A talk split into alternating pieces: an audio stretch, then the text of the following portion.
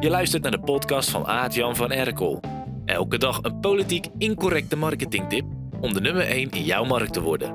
Daar heeft hij trouwens ook een boekje over geschreven. Bestel dat ding even op www.nummer1.online.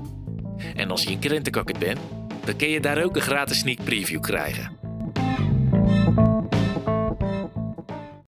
Toen ik zo oud was als mijn eigen tieners nu, was het de tijd van Hilversum 3.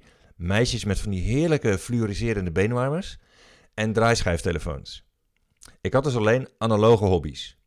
Na schooltijd ging ik bijvoorbeeld munten zoeken met een metaaldetector, dingen kapot schieten met een katapult of boeken lezen. Veel boeken lezen.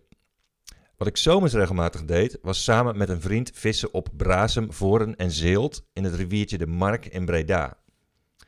Nou heb ik met mijn eigen kinderen nooit gevist, want inmiddels vind ik het nogal zielig.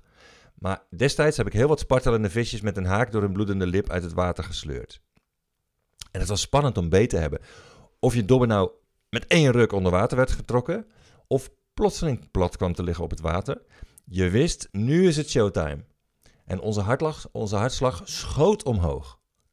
Wat we deden was eerst aanslaan, zoals ze dat noemden. Een klein snokje met de hengel omhoog geven, zodat de haak goed vast kwam te zitten. En dan de vis op de kant zien te krijgen. Eventueel geholpen met een schepnet als het een hele grote was. We leerden pas toen we wat meer ervaring kregen dat het niet altijd slim was om een vis snel op de kant te willen halen. Sommigen waren echte vechters en die moesten eerst wat tijd krijgen. Als je een paar minuten geduld had, dan kregen we een veel rustiger beest in ons schepnet en dat liet zich ook sneller onthaken, zodat we hem weer terug konden gooien. De meeste ondernemers zijn precies zoals ik toen ik pas net had leren vissen. Ze proberen klanten die een koopsignaal geven zo snel mogelijk op de kant te sleuren. Als het moet, spartelend en vechtend en met een bloedende bek. Maar het heeft wel nadelen om klanten snel binnen te halen. Je loopt het risico dat ze nog niet echt overtuigd waren en zich achteraf minder goed voelen over hun beslissing. Haastig gescoorde klanten zijn ook minder bereid om hoge prijzen te betalen. Vertraging kan ervoor zorgen dat klanten veel relaxter binnenkomen, bereid zijn om hogere tarieven te betalen en achteraf een beter gevoel, overhouden aan hun investering. Maar dan moet je het wel goed doen.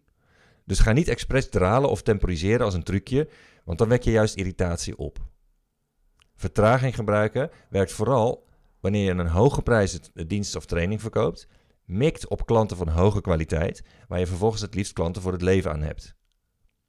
En de formule voor het converteren van leads door vertraging is een vorm van wegjaagmarketing waarvan ik nog nooit eerder de details volledig heb opgeschreven.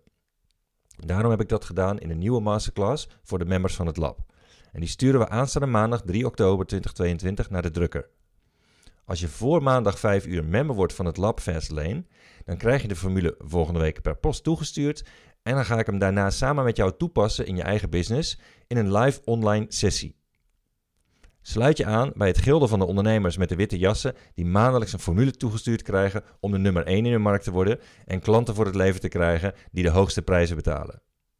De link om member te worden is www.hetlab.online.